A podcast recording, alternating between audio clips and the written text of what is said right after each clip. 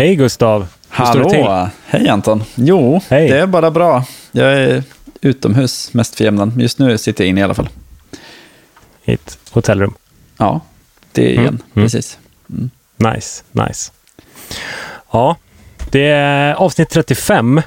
Och idag eh, ska vi ju snacka, alldeles strax ska vi snacka med eh, Patrick Bellan. Där har jag sett fram emot väldigt, väldigt mycket. Ja, det ska bli så roligt. Verkligen. Mm, mm. Men jag har en grej som jag faktiskt, nu när jag, som ni alla vet, jag är föräldraledig, eh, Mm. men ändå lyckats förskansa mig lite trädupplevelser utom min egen trädgård på något vis, som ändå kommer landa i min egen trädgård sen. Mm. Men eh, det är ju det där att stötta lokala aktörer. Det tycker jag är så himla trevligt när man kan göra det.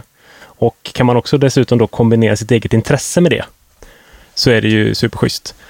Så jag sprang faktiskt på en superlokal och ganska liten eh, plantskola, eh, av en slump egentligen, eh, här kring. Eh, den heter Grundstorp, Mm. finns på eh, Instagram. Eh, jättetrevlig, jättemysig och så bara kika vad de hade. Då kom jag därifrån med fyra små träd. Okej, bra jobbat Ja. Anton. Ja, Bra jag blev jobbat. jätteglad. De, dels har jag haft en tanke om att eh, anlägga någon liten del med eh, katsura.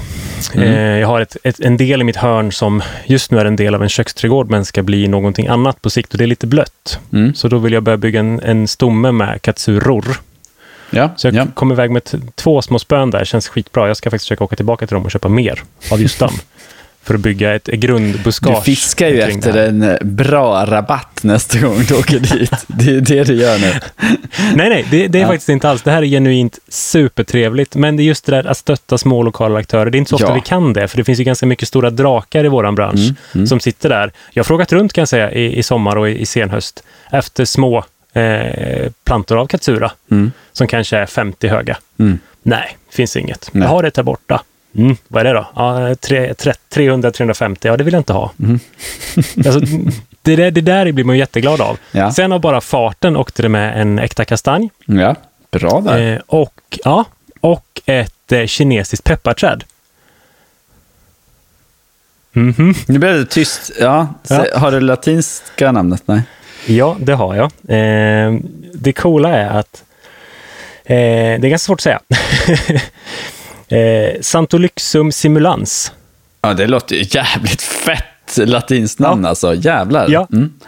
Dels det, men dels också ganska elaka faktiskt taggar på stammen. Ja. Eh, lite bladstruktur som jag skulle säga kan se ut lite som en eh, eh, en, lite, en, en rönn som korsar sig med en fläder. Mm. Mm. Lite slarvigt sagt. Okej. Och får då ätbara frukter. Coolt. Ehm, Så den, den här är jag god förhoppning på. Och sen blir jag så glad. Alltså, att köpa en, en liten planta av en äkta kastanj är inte heller helt lätt, för vi är ändå på gränsen på, på zonen här. Så Mm. jag, jag gick hem med ett gott eh, flin från det här evenemanget. väldigt, väldigt kul. Härligt. Säg det igen, vad hette plantskolan? Plantskolan heter Grundstorp. Finns på Instagram. Ligger ganska nära Borås. Då har vi en liten utmaning till våra lyssnare, skulle jag vilja säga. Mhm. Lägg upp på Instagram, eh, story eller inlägg och tagga oss och så berättar ni om er favorit bland de här små, genuina, gammaldagsa plantskolorna. Plantskolan på hörnet som du springer på eller som ligger bakom grannens laggård. Mm. Ja, jag har bara några stycken och så bara, men, ja, men här står ju en helt crazy magnolia-sort eller hybridkorsning. Alltså du kan ju springa på dem där. Nu tar vi chansen och lyfter dem här. Absolut, Ja. det gör vi. Och de är så viktiga också för vår bransch. Så peppa dem, tagga oss och tagga dem och så ska vi starta en liten kampanj, lite driv kring det här. Hur viktiga de är. Helt Bra rätt. Grymt. Bra idé, Bra. Gustav. Då så, då känner jag att vi var färdiga med det här, vad ska man säga, ingressen, som vi brukar kalla det kanske. Mm, Eh, absolut. Nu ska vi hoppa på dagens ämne, så vi välkomnar, eller vi, vi hoppar direkt till intervjun med Patrik Bellan. Håll till godo.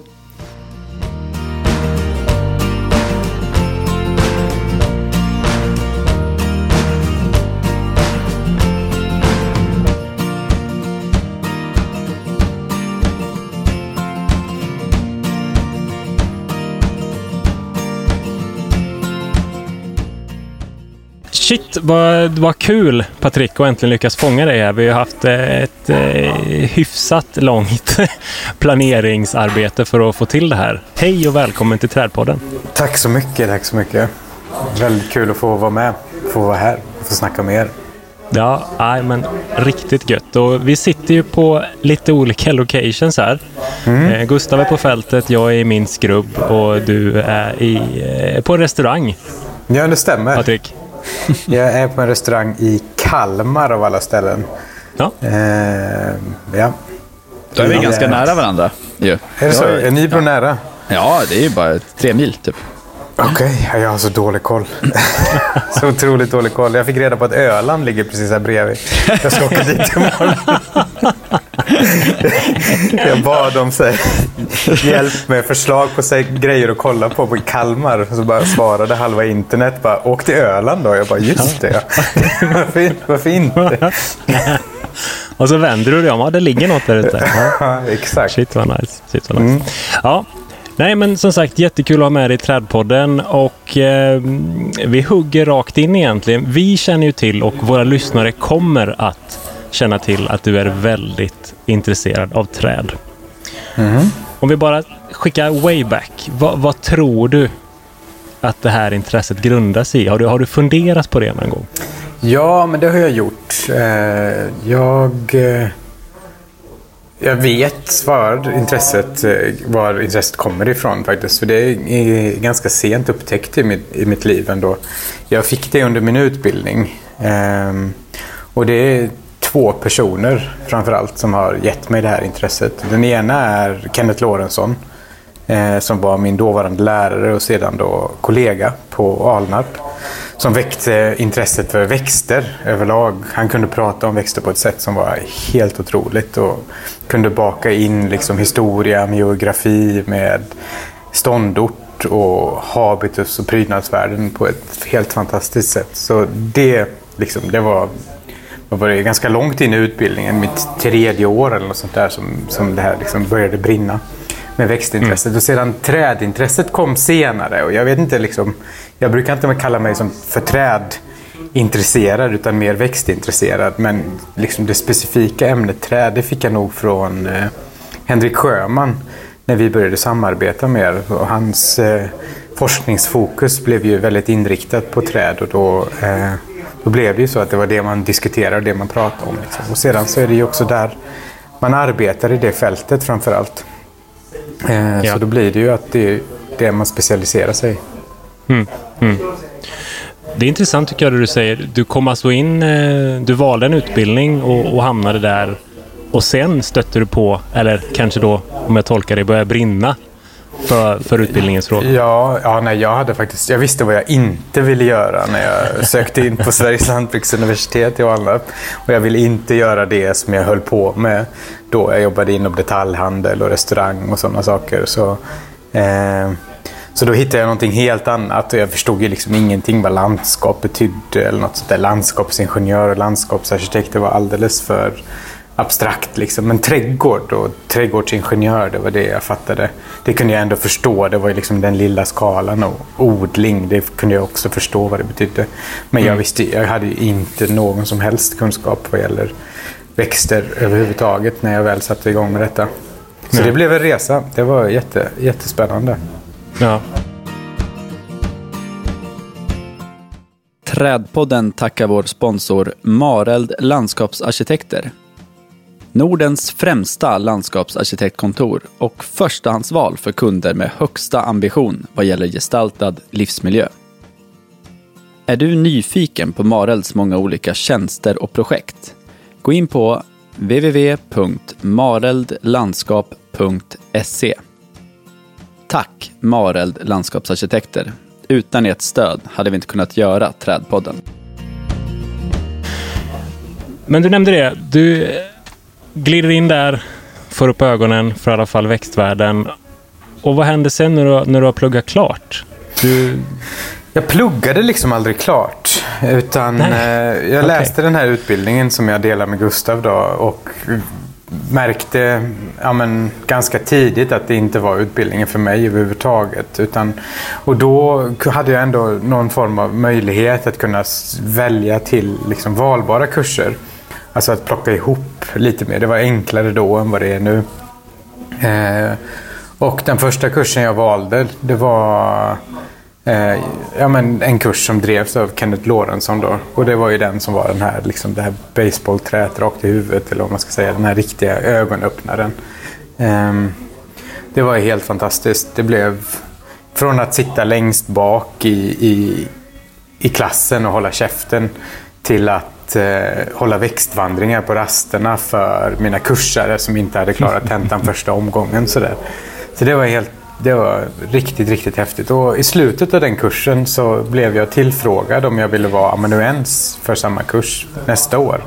Ja. Och jag släppte allting jag hade för händerna, liksom med exjobb och det ena med det andra. Och bara, ja men, jag ska vänta och så ska jag mm. Det här vill jag göra, verkligen. Jag vill jobba och lära mig mer. Liksom. Så där tror jag min utbildning startade i samband med det, när jag väl kunde komma in och jobba som amanuens och börja liksom diskutera växter och dissekera växter på ett helt annat sätt. För jag var ju jätteosäker och det är jag fortfarande. Så jag var ju tvungen att lära mig exakt allting om de växterna som jag skulle lära ut till studenterna för att jag kunde inte tänka mig att säga jag vet inte till någon. och det, var, och det, ja, och, ja, det gav ju ett tempo i sin ja. inlärning och i hur man diskuterade och pratade och läste. Liksom. Och en press också kan jag tänka mig. Ja, ja den har ju försvunnit till, viss, eller till stor del, absolut. Ja. Den är ju försvunnen. Men, men visst, i början så var det ju jätteläskigt. Jätte, mm. Jätteläskigt. Mm. Det är ju faktiskt på säga, en av orsakerna till att vi startade podden, Gustav, i alla fall från min sida, det var ju liksom att fortsätta vara på tå. Ja. Fortsätta, alltså, och, och, kunna, och kunna leverera och kunna hitta ett forum och snacka växter, men då blir det ju träd. Jo, men mm. dels det eh, och sen, vi hade väl någon slags gemensam målbild om att sänka någon slags trösklar. Jag vet inte. Ja. Mm. Välkomna, det, välkomna ja, folk. Superbra. Just det här med att sänka trösklar tror jag verkligen på. Det är väldigt, väldigt klokt. Alltså båda, båda inriktningar tycker jag är fantastiska. Liksom. Sänka trösklar är någonting som har behövts väldigt, väldigt länge. Men det mm. här att hitta ett forum, det vet jag att det är många som strävar efter liksom, men inte lyckas. Jag har haft flera studenter på Alnarp som, som frågar mig liksom, efter att de har gått sina första tre år. Liksom, eh, ja men vad nu? Vad ska vi göra mm. nu? Jag bara, ja, nu ska ni öppna en bok. Nu har ni fått, nu har ni fått, nu, kan jag, nu har jag lärt er att krypa liksom. Nu är det upp till er för att gå och sedan springa. Liksom. Mm. Eh, och de blir liksom likbleka i ansiktet. Jag bara, jaha. eh, men så är det ju. Alltså, ja. Det är ju grund, grund, grund, grund, grund, grund som man får lära sig på universitetet. Liksom. Och mm. Därefter så handlar det ju om att hitta ett forum och ja. skapa mötesplatser. Absolut. Ja. Men du, du, du kommer in där, du, du fokar 110 på din amanuenstjänst. Ja, på en 50 eh. tjänst. ja, ja. ja. Och, och vad hände sen? Eh, nej men, ja, alltså när man jobbade med Kenneth, eh, eller man jobbar med Kenneth, eller jobbade med Kenneth, så, så, så är det 50% på papper men 120 i verkligheten. Så det, var ju liksom, det tog upp all min tid och mer därtill. Det var ju kvällar och helger och man åkte till olika ställen för att vara med i projekt och sånt där. Och pö om pö så insåg mina chefer att jag, eh, att jag jobbade liksom 100% Så att då fick jag någon form av forskningsassistenttjänst istället ja. på Alnarp eh, och började undervisa mer och mer. Eh, och fick till och med viss kursansvar. Eh, gjorde jag.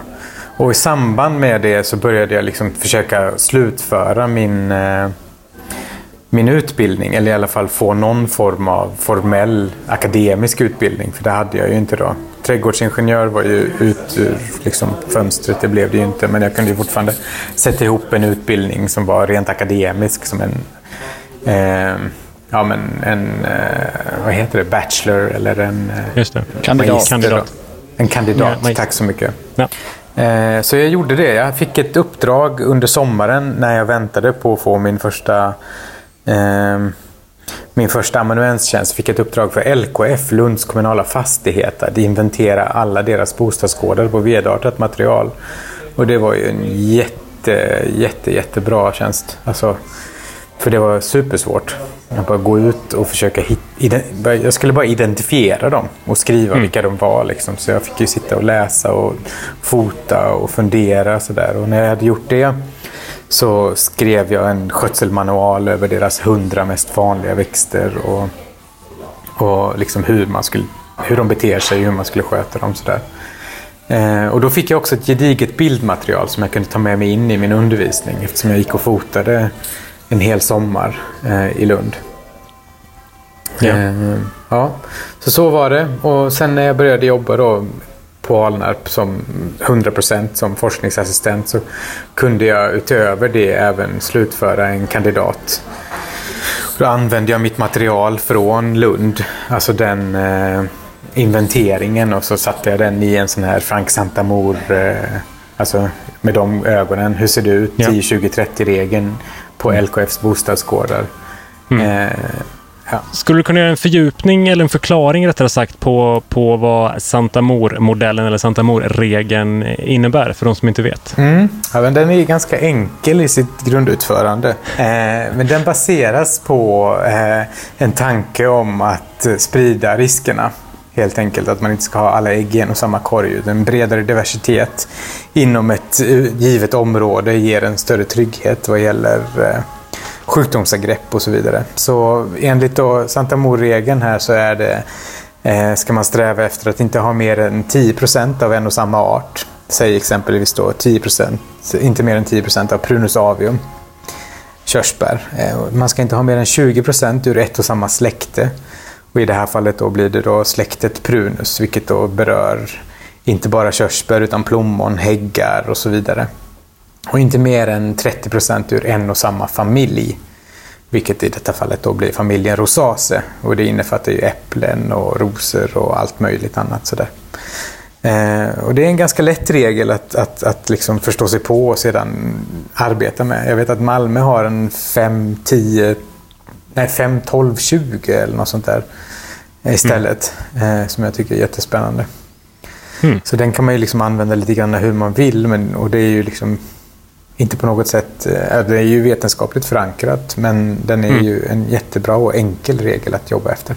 Mm. Mm. mm. Så det var, det, var, det var fint att jag kunde liksom både jobba och sen kvällar och helger sitta och skriva mitt exjobb. Så då kunde jag slutföra min examen och det gjorde jag. Och jag tog en kandidat och en bachelor parallellt med eh, eh nej, förlåt. En kandidat och en magister parallellt med min med min tjänst på SLU. Mm. Eh, och sen så tror jag det var, när kan det ha varit? 2013. Som eh, det drogs åt och det varslades och de som inte satt helt fast, mig inkluderat, blev, eh, fick gå. Eh, jag tror du, Anton, var min sista klass 2013 eh, som jag hade. Stämmer. Ja, det var fett. Det var fint. Mm. Det var det. Det var, ja. det, var, vi var, det, var, det var ett bra avslutningsår också. Bra ja. avslutande kurser där ska jag verkligen säga. Ja. Utan att fjäska. Ja, det var för det är för sent. Ja, det, är preskriberat. Uh, ja, nej, men det var jättebra. Uh, så då slutade jag där på Alnarp 2013 och fick i samband med det en tjänst på Malmö stad som trädinventerare. Mm. Uh, tjänst alltså? Anställd? Ja, det var ju ett, eh, en tidsbegränsad anställning. Ja. Ja, men jag var anställd, absolut. Ja. Det här var långt innan det var, alltså jag ens tänkte den minsta lilla tanke på att starta företag. Liksom. Det tyckte jag skrämde mig jättemycket. Min farsa är företagare och usch, usch det ville jag inte hålla på med. Eh, så, så då fick jag en tjänst och, eh, att inventera alla Malmös parkträd.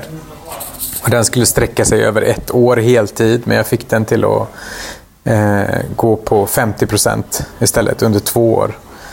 Så deltid under två års tid så gick jag i Malmös alla parker och inventerade alla Malmös träd enligt eh, ja, men, branschstandarden. Mm. Eh, och I samband med det så ville ju SLU fortfarande att jag skulle undervisa där. Eh, så då motvilligt startade jag ett företag. Och för att kunna debitera för min undervisning. Det var verkligen det. motvilligt. Men det blev, Som... det blev bra. Som en väg tillbaks liksom. Ja, men precis. De ja. kunde bara inte ha mig kvar, men de ville fortfarande att jag skulle undervisa. Vilket jag tacksamt gjorde också. Mm, mm, mm. Vi vill tacka vår sponsor Stångby Akademi. Stångby Akademi är ett grönt kompetenscenter som erbjuder kurser för dig som vill utvecklas i din yrkesroll. Du kanske vill bättra på din växtkännedom eller lära dig mer om beskärning och trädplantering. Gå in på stonebyakademi.nu för att ta del av deras ständigt uppdaterade utbud av kurser. Stoneby Akademi hjälper dig till rätt kompetens för ditt projekt enligt mottot Tillsammans bygger vi framtidens gröna nätverk. Men när du gick där och inventerade träden i Malmö så var det väl ungefär då som du kom på att starta ett Instagramkonto? Just det. Eh, berätta lite om det. Den, den resan i sig är ganska rolig. Hade du liksom, fanns det någon inspirationskälla eller var det bara var det en idé liksom, som kom från ingenstans? Det var en idé. Eh, för att jag själv mindes frustrationen när jag var student. Eh, över att man går i Alnarpsparken och pluggar växter och sen så kommer man ut i stan och så finns det inga skyltar. Mm, Hur ska man kunna veta vilket träd det är om det inte sitter några skyltar? Det här var ju långt innan Curio. Detta var väl 2013 om jag inte missminner mig. Så då tänkte jag att jag kunde använda Instagram som ett medel för att få ut studenterna i andra miljöer och ge dem fler referensexemplar. Eh, och på så sätt så, så startade det hela. Mm. Och så fick jag massa likes och det var ju självklart en boost för att göra mer. Men de likesen kom från allmänheten, inte från studenterna. Det tog ganska lång tid innan studenterna hittade kontot. För jag gjorde ju självklart ingen reklam för det heller. Liksom. Eh, eller meddelade några studenter att det fanns ett konto. Jante, liksom. Ja. Eh, så, så nej, så, så, på så sätt så startade jag Malmö trädkontot. Liksom. Eh, och då var det, på den tiden så kunde man också geotagga träden på Instagram. Så man fick en exakt lokation på var trädet mm. stod. Nu är det ju mer så här, den här gatan eller den där stadsdelen. Liksom. Vilket är ja. jättetråkigt. För då kunde man få fram bara en karta på Instagram. Och man såg alla sina bilder. Vart de var tagna. Och, och, och då var det mycket enklare att liksom kunna hänvisa till en exakt individ på en exakt plats. Mm. Eh, så det var ju meningen och det tog ju fart. Det blev ju jätte... Alltså för att vara Malmö och för att vara träd och så vidare och för att vara 2013, 14, 15 så blev det jätteuppskattat. Jag hade liksom ett gäng som joggade från, de utgick från ett träd jag hade lagt upp en gång typ, utanför stadsbibblan eller sånt där. Och så joggade de till varje nytt träd som jag hade lagt ut. Liksom. Så det blev deras idrott. Liksom. Vilket var superfint att få veta att, liksom, att folk aktiverade sig med tanke på, på, på träden och vad jag hade beskrivit om dem. Nej, men mm. alltså, jag måste ändå säga att Malmö Träd var väl någon slags game changer. Eh, om man får vara så pass eh, stor i orden. Eh, så det hände ju ganska mycket där i och med det och, och liksom den uppmärksamheten träd fick i Malmö överlag. Ja. Mm. Och det är ju, jag tänker att det, det kontot har ju ganska mycket att göra med att du sen får vara med och författa en bok som heter Träd i ja, Malmö. Ja, absolut. absolut. Jag skulle säga det, för det som är väldigt kul med, med Träd i Malmö också, det är ju inte bara geotag och en väldigt bra artbild. Utan du gillar ju att skriva också. Mm. Jo, nej men absolut. Det föddes någonstans i det. Eh, ja. I och med att man fick mer tecken på Instagram också, så där, att skriva, ja. så kunde man skriva ja. mer. Eh, och då blev det ju väldigt roligt att kunna använda mm. sitt språk och tänja på orden och så vidare. Så det gjorde jag. Och i och med att jag eh, ja, men hade nagelfart de flesta av Malmös träd och också skrivit om flera av dem så fick jag ju eh, frågan när de skulle uppdatera versionen av eh, boken Träd i Malmö om jag ville vara mm. delförfattare. Eh, vilket jag självklart ville. Absolut. Eh, det var ju jätte, jättespännande att få vara med och ge ut en bok sådär. Ehm, mm. Det var... Mm. Och- Jag blev inte rik på det, det kan jag säga. Gud vad jag fick skriva. Det här är ganska kul Patrik, för när den här boken släpptes 2018 Mm. så eh, är det en utarbetad kommunal tjänsteman eh, i Västra Götalands län och en annan utarbetad trädförsäljare som sätter sin bil eh, en eftermiddag från Borås till Malmö. Okej. Och de här två nissarna hamnar i en bilkö och snackar massa skit. Ja, men när vi någonstans har passerat, eh, jag tror det var Landskrona ungefär, så eh, har vi kommit fram till och bestämt att vi ska göra en podd om träd. Det Okej. gör ingen. Vadå, på väg, ni skulle ner till Malmö just för bokens... Eh... Boksläppet. Ja. Jaha, Ja. oj, Ja. wow. Så Gustav var uppe hos mig och eh, sålde träd och kollade på träd. Ja. Och så sa, att, sa han, "Men jag åker ju ändå ner då, ska du inte med? Jo, för fan, jag åker med. Så fett. Så det var så det föddes alltså? Ja, Så Det var det. spännande. Oj, det Ja. var ja, vad häftigt. Jag minns kvällen. Eh, jag, höll, jag läste ett Instagram-inlägg. Kommer jag ihåg. Nej, jo. Det var, det var ett inlägg som, eh, som en hade skrivit när jag bad om eh, följare på Malmö Träd. Att de skulle tipsa om sina favoritträd. Så, så var det någon som skrev en så himla deppig trädinlägg. tror jag publicerat två gånger på Malmö Träd. Det var jätte, jätteroligt. Stackars lilla fula träd. Det. Eh, Så jag läste den högt. Då, och jag var så nervös. Det satt så många... Eh, det var ju Malmö plantering och försköningsförening som, som, eh, som bekostade stora delar av boken och också var projektledare för det. Och de var ju... Ja, men de var inte så skämtsamma. Liksom. De, de gör ju jättemycket jättehäftigt för Malmö, absolut. Och så kommer jag och är så här tatuerad och snorig och svär och håller på. Det kändes... Ja, jag vet inte. Det var pinsamt. har du fått blodad tand då? På boksläpp? Ja, jo, ja, nej, jo, jo, nej men absolut. Både ja och Jag menar nej. föräldraledighet är väl sweet spot? Ja, Du ska herregud. Nej, gud, jag är nu, alltså, jag är så ful under med föräldraledigheten. Man kan inte klä sig, man kan inte raka sig, man kan inte göra någonting. Eh, nej, föräldraledigheten, då ser jag bara trädgården förfalla och allt sånt där. Det, det, Jag kan intyga att Patrik är både rakad och klädd nu. Ja, just det. Jo, i alla fall på överkroppen. Eh, eh, men absolut, jag har fått blodad tand för att skriva. Och jag känner att det går lättare och lättare att skriva. Sen vet jag liksom inte vad det blir för publikation.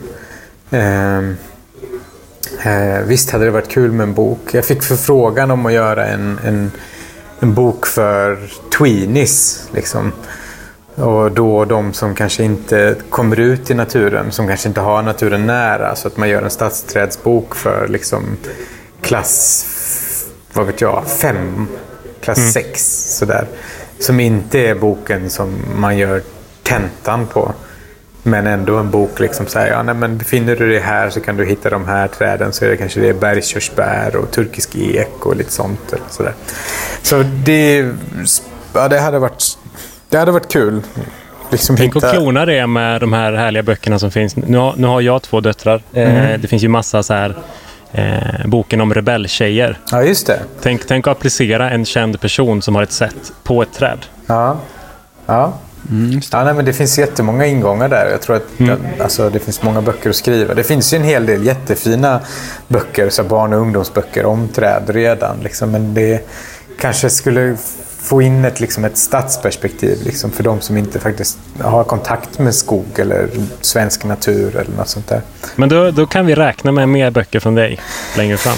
Ja, i alla fall mer skriverier. Förhoppningsvis eh, någon bok i framtiden. Så måste bara hitta en ingång.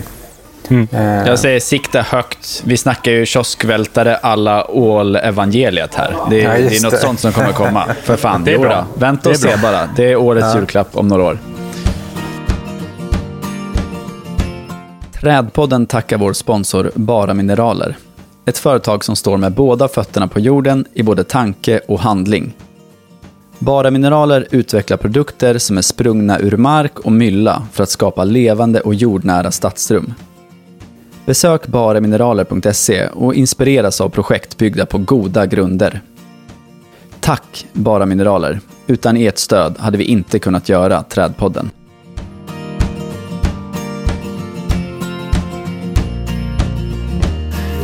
Under tiden vi har hållit på med den här podden, det är några år nu, så, så har vi reflekterat lite grann över att det känns ibland som att det är mer snubbar eller killar eller män som Mm. väljer att hålla på med träd och rikta sin karriär mot träd.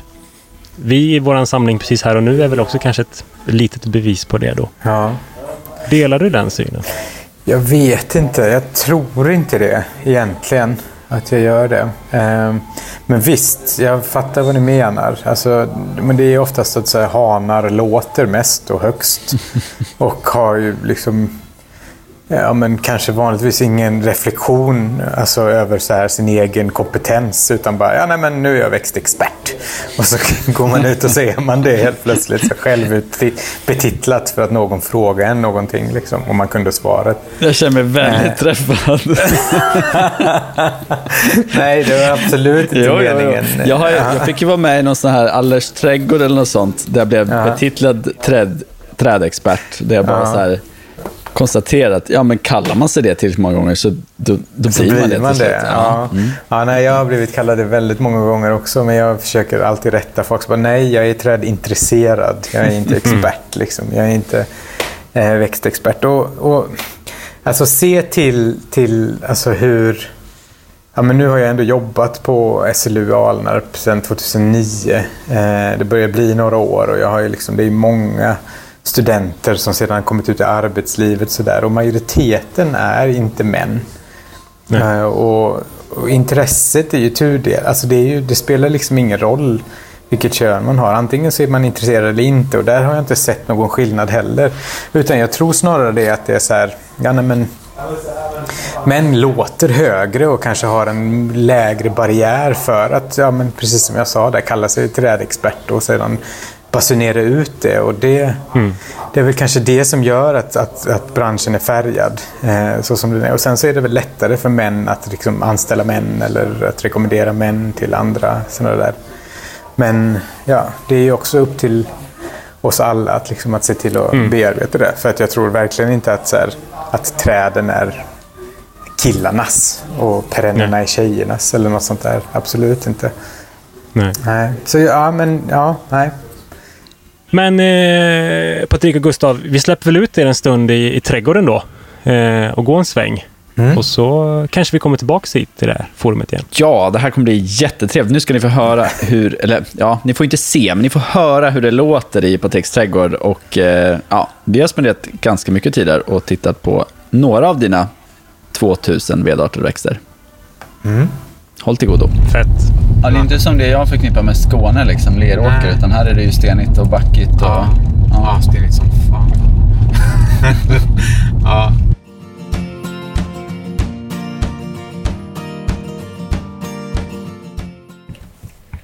Jaha, Här är, vad har vi här? Här har vi lille Gabriel. Vad käkar du för något?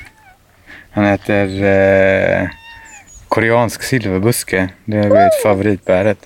Eliagnus Umbelata. umbelat. Ja. Eller han gillar multiflora mer men eh, de har han ätit upp så nu är det Får jag, de sma- får jag smaka en? Surt. Men gott. Det finns något där. Ja. Ja, just den klonen som vi har här, eller den är onamnad, den är inte jätte, jättegod. Men jag har lite namnsorter på både umbulata och multiflora som är sådana fruktsorter som jag är pepp på att se när de väl börjar sätta Ja. frukt. Se vad det blir av det. Jaha, ehm, nu är vi här i, i din trädgård utanför Hör. Ja. Välkommen. Ja, tack så mycket. Vad är det för gammalt tomt det här och boning? Vilka har bott här? Eller så? Eh, det är, om jag har förstått det hela rätt, så var det på den här lilla grusvägen så hade det bott två familjer tidigare. Vi är någonstans kring 50-60-talet, 1900. Eh, och sonen från den ena familjen byggde det här huset och gifte sig med dottern från den andra familjen. Okay. Så bodde de här ett tag och han var väldigt intresserad av eh, skogsträdsproduktion. Mm. Så han eh, hade, eller han har, eller han hade mark på andra sidan vägen där han odlade lärk och en massa andra nordamerikanska barrträd som det finns en hel del av. Och så satte han de här Nordmannagranarna, den här ridån här och någon Douglasgran och lärk och tysklön och hybridpoppel och fan och hans moster. Typ. Om man ska försöka beskriva den här platsen skulle jag säga att det är, det är lite som att man är innesluten i en dunge. Mm. Det är väldigt höga träd runt omkring oss. Mm. Alltså väldigt höga. Det, det här måste ju liksom vara Sveriges svar på, på amerikanska västkusten. Lite ja. så.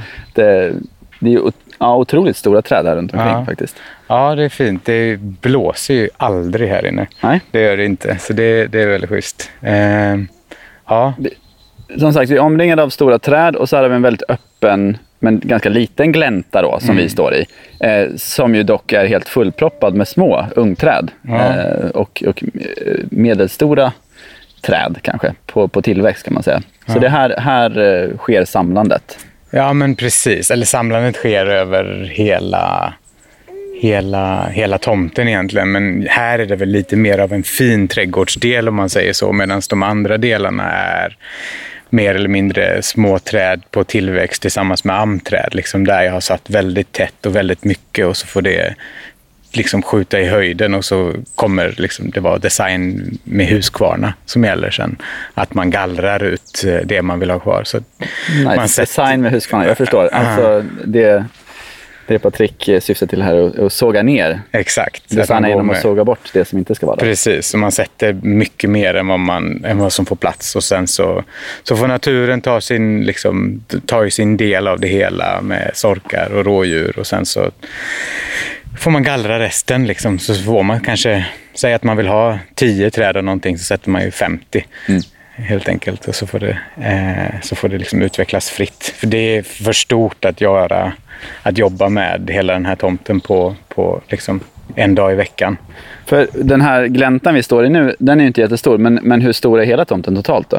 Eh, en och en halv hektar. Ja, det är lite yta att plantera på. Ja, Ja, men det är än så länge ganska mycket som är planterat, eh, vilket är kul. Eh, så det är mycket som står på tillväxt och så håller jag på att annektera nya delar nu och sen gallrar fram andra delar. Så det, allting har liksom inte någon plan, eller det har aldrig funnits en plan, men vissa grejer är ju tänkta att det ska vara en viss typ av bestånd och på andra delar ska det vara en annan typ av bestånd. Eh, så får vi se om det blir så. Ja, det här är en, en lekstuga. Ja. Alltså det är ett laboratorium där jag lär mig saker och det är bara det. Så det här finns liksom ingen...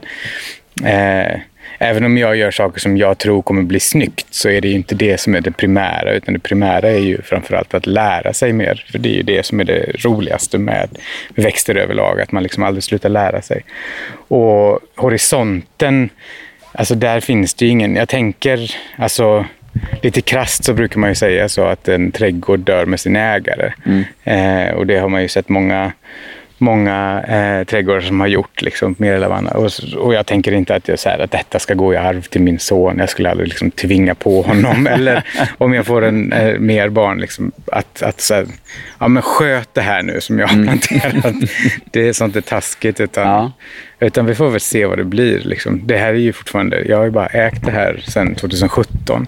Och jag har bara planterat växter sedan 2017. Liksom. Mm. Så, men det är många växter du har planterat sedan 2017? Ja, det är en del. Hur många? Ja, Om vi är vedartade växter? Vedartade växter tror jag är i, alltså, runt 2000 kanske. Åh, herregud. Ja. Jag har grävt en del.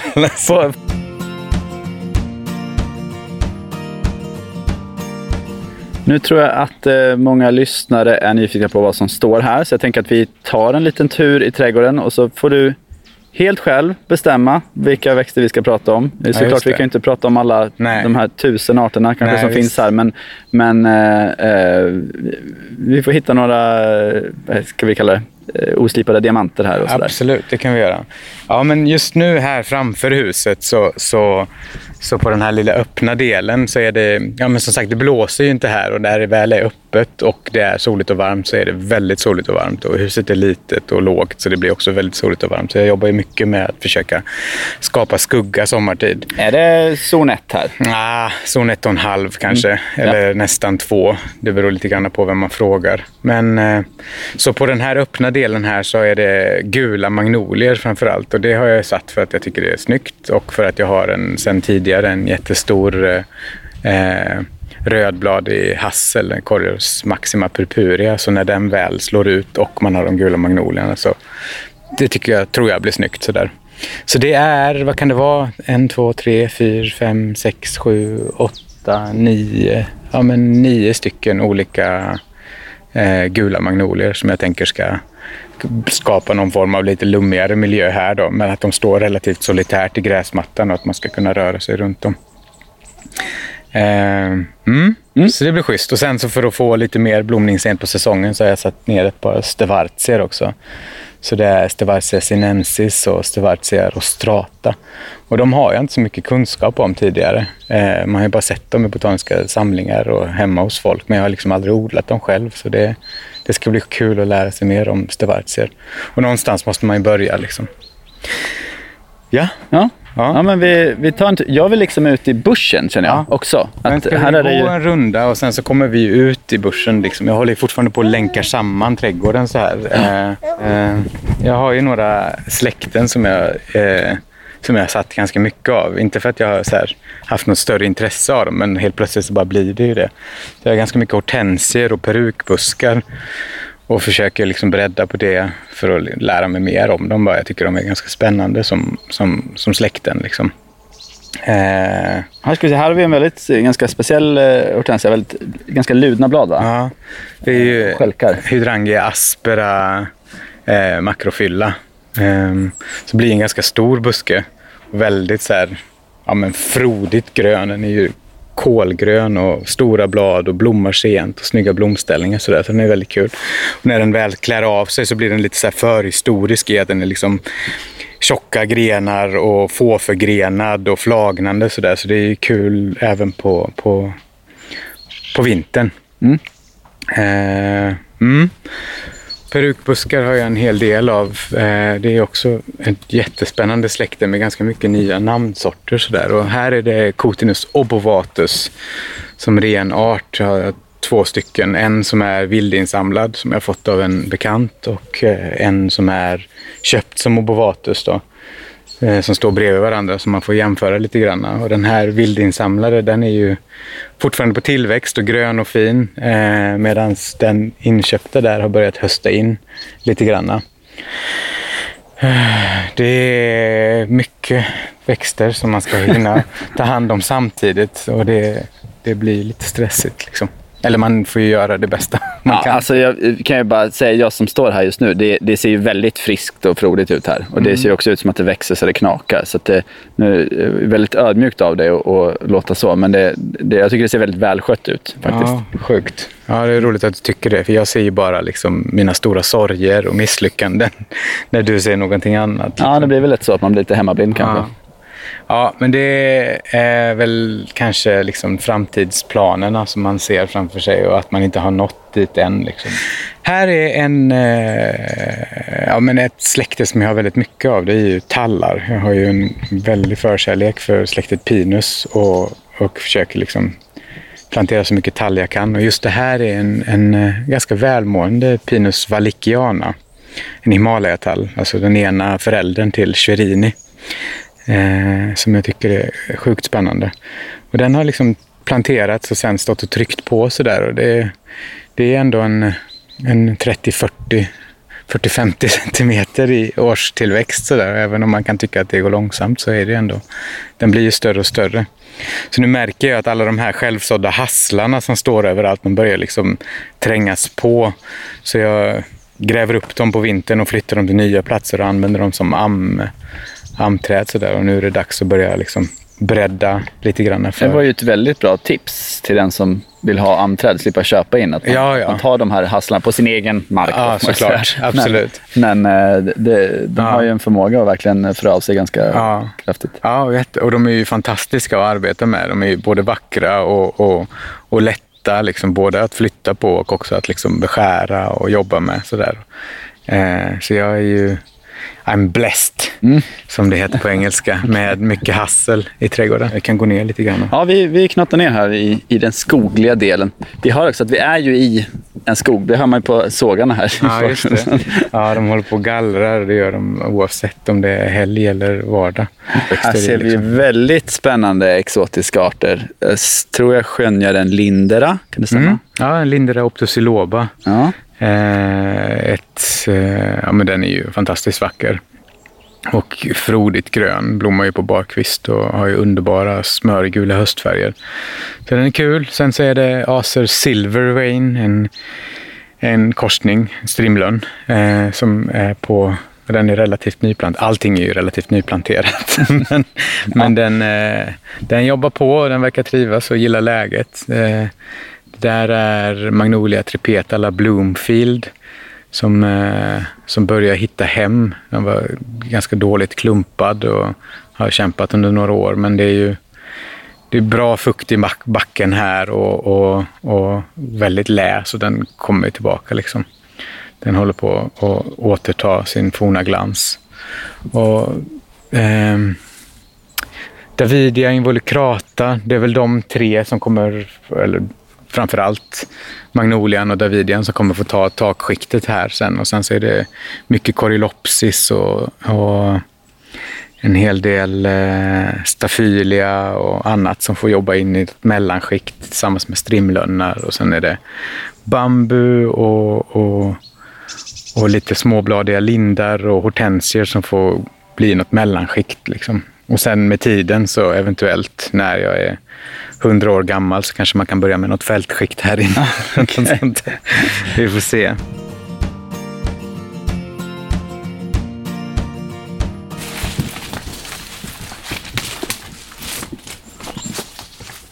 Vad har vi här då? Här är också lite intressant. Ja, Är det en, är det en Douglasgran? det stämmer. Vi, alltså, den har ju inte du planterat, ganska uppenbarligen. Nej, det här tror jag är den, den första ägaren som, som byggde det här stället som planterade tillsammans med mycket annat. eh, Framförallt nordamerikanskt och udda. Liksom. Så det är, ju, det är ju ett av tomtens största träd tror jag, i alla fall i höjd. Så där. Och den har ju inte slutat växa. Absolut inte. Den är väl närmare 20-25 meter eller något sånt där. Så det är ju lite bonus. Douglasgran är en av, liksom, vad ska man säga, vä- världens största träd. Då. Ja. Eh, strax kortare än, eh, än de här eh, mammutträden och redwood-träden. Ja, där är omtvistade lärde tror jag. Det finns eh, olika uppgifter om vem som blev högst egentligen. Men Douglasgranen är ju ett väldigt välanvänt virkesträd i, i, i västra Nordamerika. Kanske det mest använda just för sin snabba tillväxt och för att det är så ja, men bra virke helt enkelt.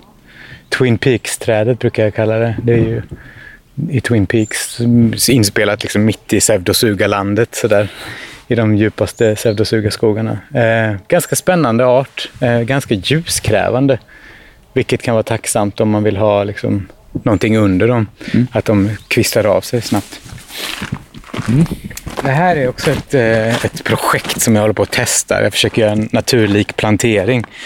Eh, så som man gör på längs med liksom, motorvägar och så vidare, bullervallar. Eh, detta är rester från när de förra ägarna byggde den här vägen in. Så de har bara tagit alla schaktmassor och lagt i en stor hög. Så när jag flyttade hit så var det liksom tre meter höga brännässlor som välkomnade en. Sådär. Eh, så vad jag har gjort är att jag har eh, ja, men bara lagt en mypexduk, en markduk över allting och sedan så har jag hamrat ner väldigt mycket hamamiliaceer av olika slag och även en del tallar. Och så viburnum. Eh, så jag vill... En, en väldigt lyxig naturlig eh, plantering Ja, då. Istället men- för liksom den här eh, vanliga, kanske körsbärsplommon och slån och eh, annan hägg och, och annat. Lite så- björk typ. Ja, nej, men precis. Så det är, framförallt är det väl Corylopsis spicata. Det är eh, Fotogilla major och gardeni med olika namnsorter. Och sen så har vi även Viburnum fircatum och Viburnum eh, nudum. Och eh, Parotia persica, alltså papegojbuskar. Så det är väldigt mycket växter på en väldigt liten plats. Ja. Eh, men det kommer nog bli fett. Det Det kan fort- bli hur coolt som helst här. Ja. Och, eh, jag kan tänka mig att redan nu så visar den ganska häftig höstfärg, den här Ja, kullen. ja nu, har- den har stått och stampat i något år. Så där. Den är väl två år gammal, men det börjar ta sig liksom, och det börjar täppa till. Så jag tänker om kanske ytterligare fyra år så kan jag ta bort markduken. Eh, och det är framförallt liksom en fin vårfägring och sen bombastiska höstfärger. Så att det blir liksom en entré på, på vår och sommar. Så där. Sen har jag stoppat in en hel del olika tallar i det här för att få lite få lite eh, vinteraspekter också. Så det är eh, Pinus corajensis som jag har satt alltså liksom knippen med småplanter som får komma upp och bli flerstammiga. Och sen ett par Pinus armandi och Pinus schwerini. Det är ju bara fembarriga tallar alltihopa så det kommer ju bli väldigt mjukt och blågrönt om vintern. Men fantastiska arter. Men det, det som slår mig här är ju liksom en, eh, ändå att du tillåter dig att tänka lite mer långsiktigt. Det är liksom inget som är planterat så som det ska se ut när det är färdigt. Utan, Nej. utan att, att eh, här låter du växterna, du planterar mycket och du låter växterna ha sin gilla gång. Och det finns mycket successionstänk här, eller? Jo, jo, men det gör det väl, absolut. Eh, det är ju, man ska väl leva som man lär, tänker jag. Mm. Det är ju mycket det jag lär ut. Så, så då blir det väl också att man får liksom ta, göra sitt eget och få erfarenheter av det. Och då gärna med lite mer exklusiva arter för att se hur de fungerar i ett sammanhang där de inte står i en perfekt situation med eh, med väldigt, väldigt eh, hög skötsel. Utan här får det verkligen sköta sig själv. Liksom. Jag körde spridaren lite grann på det här det första året. Och det är ju väldigt mycket konkurrens bland liksom, de här mer storvuxna träden som är runt omkring. Och det ser man ju och lär sig av. Men det funkar ju. Det funkar ju. Papegojbuskarna har ju tredubblats i storlekar och Corylopsisen har ju också fått fart sådär. Så det är kul. Det är ju furcatum, alltså gaffelolvonet, det japanska gaffelolvonet som stampar lite grann. Men Viburnum nudum är med i matchen och den har ju otroliga höstfärger. Så den, den ska jag liksom till och med vilja lyfta in och börja undervisa om så himla enkel och tacksam och trivs nästan bäst i skuggiga lägen än vad den gör i de här mer soliga lägena. Och höstfärgerna är ju rosa liksom, med rosa bär till. Det är, det är sjukt. Det är sjukt. Det är också sjukt hur mycket du kan beskriva en växt. Det är, eh, helt underbart. Eh, Men eh, bara undervisa, precis. Känner du så här, vill du bjuda hit studenterna och titta? Har du gjort det kanske? Eh, no, jag har väl haft två, två omgångar där det har varit lite studenter som bara har frågat och sen velat komma och hjälpa till och plantera lite grann. Och då, då har vi gjort det. Så den där högen, alltså, eller högen, men den där den hjälpte bland annat eh, en, eh, en eh, kontorskollega till dig med att plantera, vilket var kul. Eh, Elin. Eh, så, så man får ju lite minnen av de här platserna också med, i och med vem som har planterat dem. Men, men nej, jag vet inte. Det hade, jag, det, alltså ha hit 20 studenter och så ska man försöka liksom... Alltså det är så himla mycket specialare liksom att man gör på ett speciellt sätt för att man var lite trött den gången och så måste någon komma ihåg det. Ja, jag undervisar ju om ett sätt, på ett sätt, men sen så hinner man ju inte med att göra samma typ av etableringsskötsel som man kanske skulle vilja göra eh, när man är i sin egen trädgård. Eh, så det är ju mycket plantera, ge dem vatten, göra ett korstecken och sen så får man se hur det går. Och för det mesta har det gått väldigt bra. Jag åkte på rätt mycket nitar 2018. Ja, jag kan tänka mig. Eh, men eh, det var faktiskt inget som dog, det bara stod still. Liksom. Här har du planterat något som jag faktiskt verkligen inte känner igen. Nu får du informera mig här. Vad är det vi tittar på här? Det är Ptelia trifoliata, eller klöveralm på svenska. Då har jag en, kanske en, jag vet inte, 10, 15, 20 stycken av som jag har satt in lite här och var.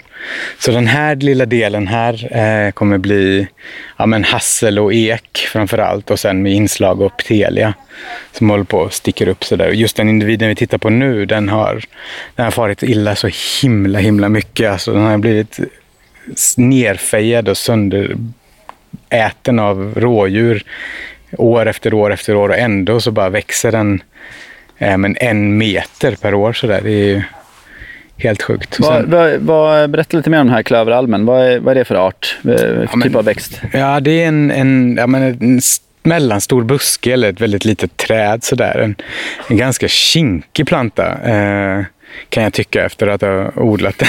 Sådär.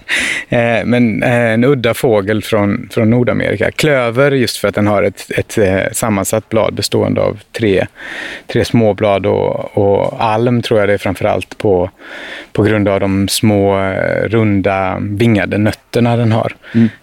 Så det är väl det. Det är liksom en, en ja, men de största individerna jag har sett de har stått friställt och de är oftast bredare än höga. Liksom. Ja.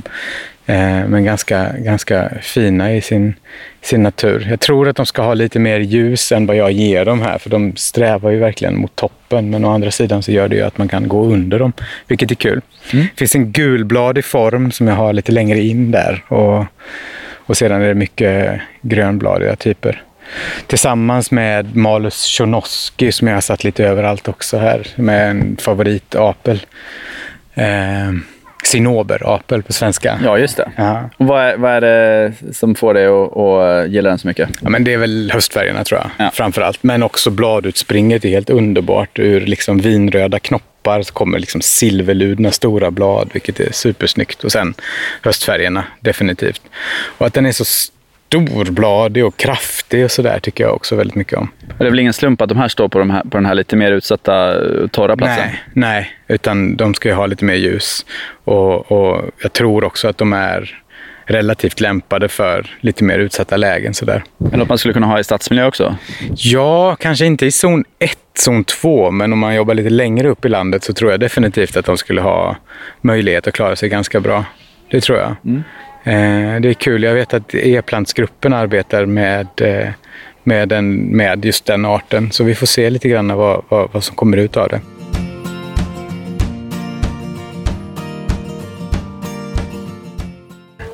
Det här är ju... Eh... Vill du ta en paus? Nej, det är lugnt. Det är ju test, även detta. Det är ju sjukt mycket björk, som du ser, vilket innebär ju att, att det är väldigt, väldigt torrt i, den här, eh, i just den här delen. Liksom. Och ganska skuggigt i och med att mot söder så är det ju ridån med, eh, med nordmannagranarna där som tar allt ljus. Och att få saker och ting att etablera sig här har ju varit väldigt spännande att se. Så tanken är att jag ska försöka behålla björkarna. Jag har stammat upp dem typ så högt jag nått.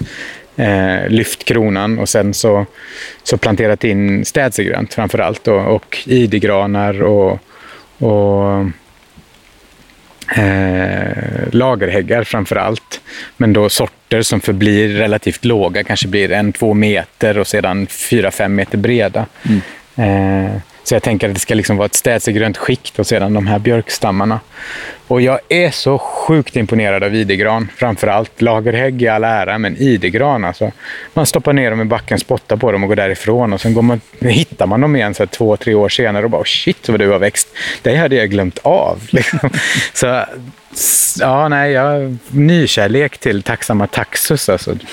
Underbart växtmaterial att jobba med. Så där. Just för att den är så, så skuggtolerant och då i, i kombination med skuggan även torktolerant mm. och lättetablerad. Så jag har satt ganska dåliga kvaliteter av plantor här som ändå har liksom växt på och tryckt på.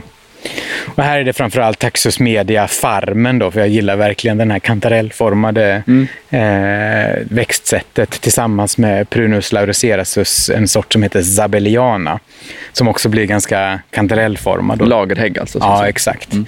Låg och, och, och, bred och med ett ganska tunt och vackert blad.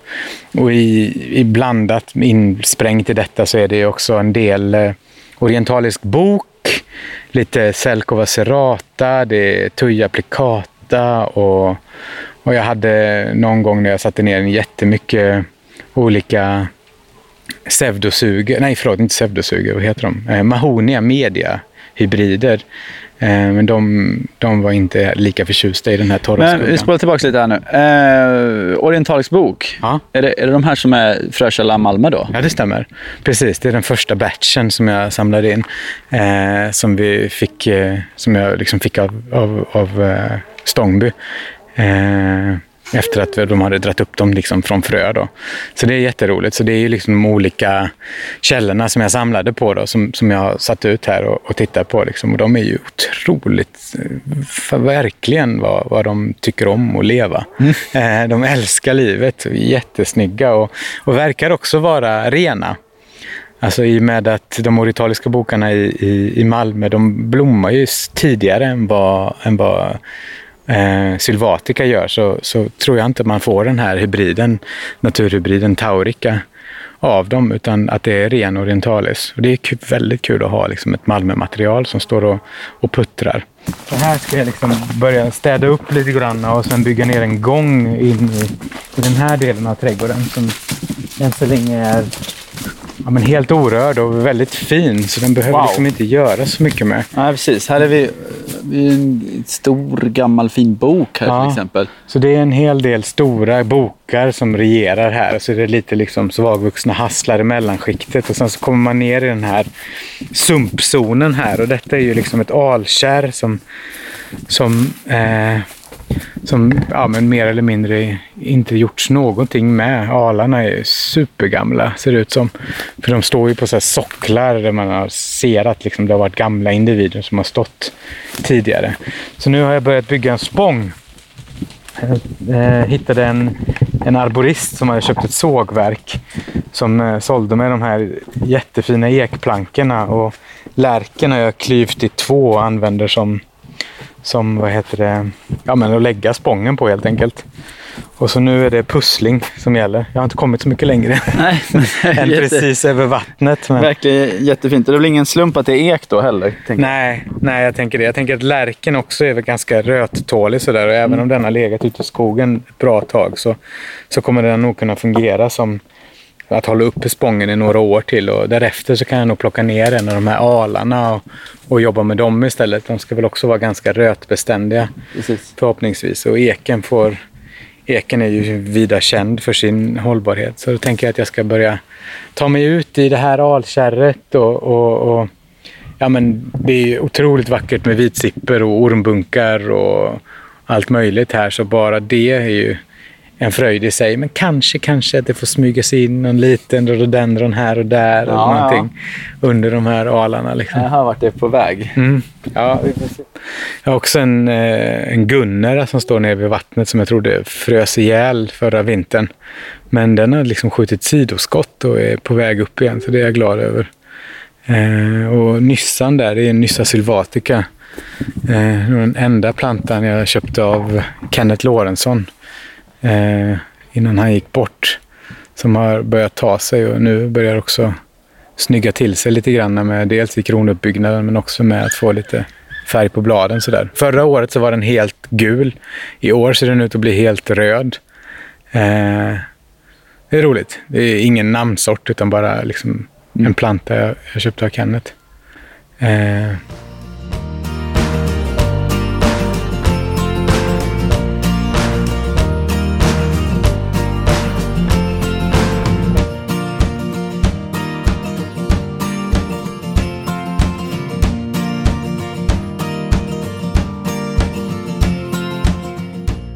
Har du något mål med din trädgård? Vart, vart vill du hän? Eller ska varenda lilla planta ha en, växt, en, en skylt? Nej, absolut inte. Nej, jag bygger miljöer. Eh, I vissa delar av, av trädgården så bygger jag miljöer som ska vara liksom, miljöer under ständig utveckling. Där jag har startat med liksom am-vegetation, alltså snabbväxande träd som ska liksom skapa ett övre skikt och sedan kanske liksom fällas med tiden. Eh, så, där. så där handlar det väl inte alls om att, att, att ha den typen av minutiös skötsel och jag har liksom inte tid och möjlighet att ha det heller. Jag hade Peter Korn på besök för några år sedan och han sa ja men det här kan nog bli bra om du har två heltidsanställda som jobbar i trädgården med dig. Liksom. och jag gör ju det själv nästan med, fast liksom på på helger framförallt. Så nej, men mitt mål är väl, det, det handlar ju dels om, om att utveckla ett kunnande och att, att sedan kunna föra in det i, i mitt arbetsliv, eller mitt yrkesliv såklart. Eh, sedan så skulle jag med tiden också vilja kunna ha men, viss kursverksamhet kanske och även eh, ja, men kunna driva upp växtmaterial också. Och då blir ju de växterna som jag redan har planterat, det blir ju fantastiska modersmaterial. Eh, så jag liksom slår inte ifrån mig att det här är bara liksom en privat trädgård för privat bruk. Utan självklart kommer jag väl försöka slå mynt på det på ett eller annat sätt. Sådär. Mm. Mm. Men hur, det vet jag inte riktigt än. Eh, just nu så handlar det framför allt om kompetensutveckling. Eh, och att det är så himla fint att ha gräva. Jag tycker verkligen om att gräva. Har du något barndomsminne från träd? Dels, dels nu när du har blivit, blivit pappa själv. Eh, kände du att du har någon koppling? Och är det någonting så här, liksom första upplevelsen av kontakten med ett träd? Jo, nej, men jag har två stycken ganska starka minnen av träd faktiskt. Eh, och det ena det var, eh, eller det är, när jag som liten i Libanon sprang runt längs med eh, ja, men Mount Libanon. Hela Libanon är bara ett berg. Liksom. Hela landet är stort som Skåne så det är pyttelitet och allting lutar. Så man springer alltid uppåt eller neråt liksom, eller snett längs med. Och då, eh, då var lördagsgodis pinjenötter. För pinjetallar liksom växer överallt. Så, så vi samlade pinjenötter och så liksom när man fått upp en stor påse så satt man och knäckte dem. Liksom en sten mot en annan. Och den doften, eh, den röda jorden och liksom doften av sten och sen kådan från nötterna. Så där, det är väldigt, väldigt starkt minne. Eh, som jag också minns att jag blev så skakad när jag väl förstod att det var samma pinjenötter som man betalar sjukt mycket pengar för. när man skulle köpa dem i en liten sådär fem grams påse på Ica. Liksom. Eh, Ja. Men det är, eh, ja, det är ett väldigt, väldigt starkt minne. Just eh, pinjesamling i Libanon. Det gjorde vi liksom år efter år efter år när vi var där nere som små. Eh, sprang runt med kusinerna och plockade nötter. Det och sen också på bostadsgården när jag växte upp i, i, eh, i Göteborg. Eh, där hade vi just på våran lilla trädgårdsplätt. Vi hade liksom en mm, lägenhet på, på, på markplan och så hade vi liksom, vad kan det varit, kanske 10 kvadratmeter stor trädgårdsplätt. Men där stod en stor ek. En stor skogsek som jag vet. Jag minns att min pappa liksom fick ställa sig på en stol och sen bära upp mig så han kunde sätta mig på den understa grenen. Det är också ett väldigt starkt minne av. Eh, så det är också ett sånt eh, ja, men som sitter fast, som sitter kvar, som jag kommer ihåg. Jag minns känslan av att vara lövverket och att sitta där med liksom fasta händer runt midjan men ändå väldigt högt uppe. Liksom. Eh, och det har också fått mig att börja beskära mina träd hemma eh, på ett helt annat sätt. I alla fall de, jag har ju väldigt mycket ek och hassel som är natursått. Så jag börjar klippa dem på ett helt annat sätt än vad jag gjorde tidigare. Efter att Gabriel föddes. Liksom, just för att jag ska göra klätterträd av dem istället för att stamma upp dem och göra plats för annat runt omkring. Liksom. Just det. Eh, ja, det, kommer, det, det var ett sånt där, ja men shit det här är viktigt. Så jag gick ut med sekatören och liksom började jobba helt tvärtom. Så att med tiden. Ja, nej. Så det påverkar, häftigt. precis som du säger. Liksom. Ja, ja. Ja, Också det att eh, det är inte bara jag såg det trädet där och då, utan det är faktiskt någonting kroppsligt. Två stycken kroppsliga upplevelser. Ja, Mer eller mindre fysiska upplevelser. ja nej, men verkligen. Det är mycket liksom, doft och, och, och känsla som hänger kvar i de, i de minnena. Och de hade jag liksom inte tänkt på förrän, förrän långt efter att jag liksom blev trädintresserad och, och trädkunnig. Liksom. Att det var nu på ålderns höst som, som, som, som de kom tillbaka, de, de minnena. Liksom. Ja, ja. starkt. Verkligen. Nu släpper ju snart restriktionerna om några dagar. Kommer du liksom att... um, bara- Kasta mig iväg. Kasta dig iväg och, och resa och uppleva träd igen? Alltså, om du skulle tipsa något ställe som man liksom måste se. Oj, ja, det finns otroligt Kanske för att man då är resugen. Ja. Om man är resugen och har en relativt bra budget så hade jag ju absolut rekommenderat västra Nordamerika.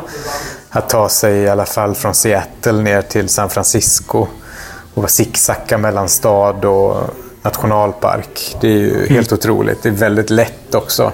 Det kostar, men det är lättillgängligt som tusan. Liksom. Har man lite mindre budget så lärde jag mig väldigt, väldigt mycket av att eh, åka till Teneriffa och, mm. och ta mig upp och ner för vulkanen Teide. Det är liksom fyra stycken extremt skilda klimatzoner på Teneriffa. Alltså det går ju från den här liksom eh, ja, men, chaparallen med kaktusar och, och, och, och små euforbier och sen genom en lagerskog upp till tallskog och sedan upp till då över trädgränsen. Och det var så skarpa skillnader som man förstod det verkligen, verkligen tydligt. Det är ju helt annorlunda om man liksom reser norr till söder i Sverige. För det är ju som sakta, sakta sluttning så man ser ju liksom inte skiftningarna med klimatzonerna. Men där var det så himla skarpt så det lärde mig mycket. Och sen så heter mm. ju allting på Teneriffa liksom ja, men Euphorbia canariensis eller något sånt där. Så det var också väldigt lätt att lära sig alla namnen på växterna för de var ju endemiska. Eh, 9 av 10. Pinus canariensis till exempel. Och sådär. Så det är ett väldigt bra resmål. Men eh, ja, det, kanske den bästa resan jag har gjort det var den jag gjorde tillsammans med, eller jag reser ju väldigt mycket med Henrik Sjöman. Eh, och de flesta resorna som är trädfokuserade är ju med honom. Och då, ja, men den, ja, men en av de bästa det var nog till Georgien eh, 2017. Att ta sig liksom åka värtramp mellan stora och lilla Kaukasus. Liksom bergskedjan i norr och bergskedjan i söder. Den mm. ena mot Iran och den andra upp. Eh, mot Ryssland till. Det var helt otroligt. Och helt fantastiskt makalöst. Eh, vilka system. Vilka skogssystem. Och maten! alltså det är ju sällan det som är prio ett när man reser med, med Henrik. Då är det liksom fyra Snickers i en ryggsäck och så får man vara nöjd om man äter någonting mer den dagen. Men här spelar det ingen roll vart man stannade. Eh, det var utsökt Alltså, de hade, det är ju liksom Sidenvägen har ju tagit med sig mat från både norr och söder och så har det liksom skapats den kaukasiska smältdegen där. Så köket var helt otroligt alltså. Bensinmack, du bara åt som en kung. Gud vad gott det var. Jätte, jättebra resmål. Och vinet!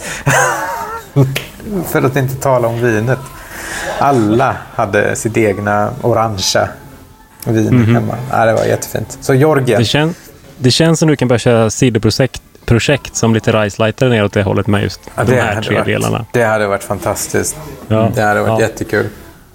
Nej, men vad härligt. Det låter som tre grymma tips och det är verkligen skönt att mm.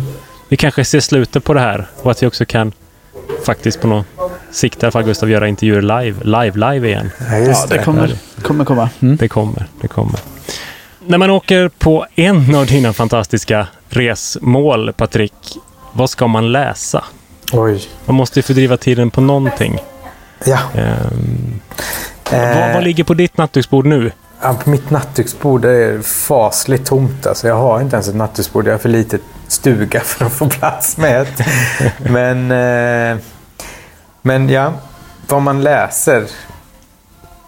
Ja, med... Eh, med risk för att vara partisk, eller låta partisk, eh, så skulle jag verkligen, verkligen vilja rekommendera, inte en bok, men en tidskrift. Och det är tidskriften Lustgården, som jag för övrigt sitter i redaktionsrådet för nu, men det har jag inte gjort under så lång tid.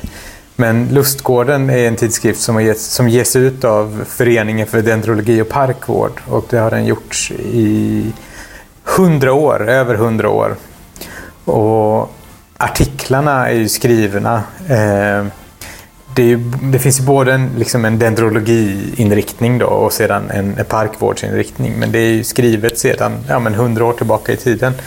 Otroligt lärorikt och fantastiskt vilket material att bara ta sig igenom. Och de flesta artiklarna, eller alla nummer och alla artiklar finns sökbara och för gratis nedladdning via föreningens hemsida.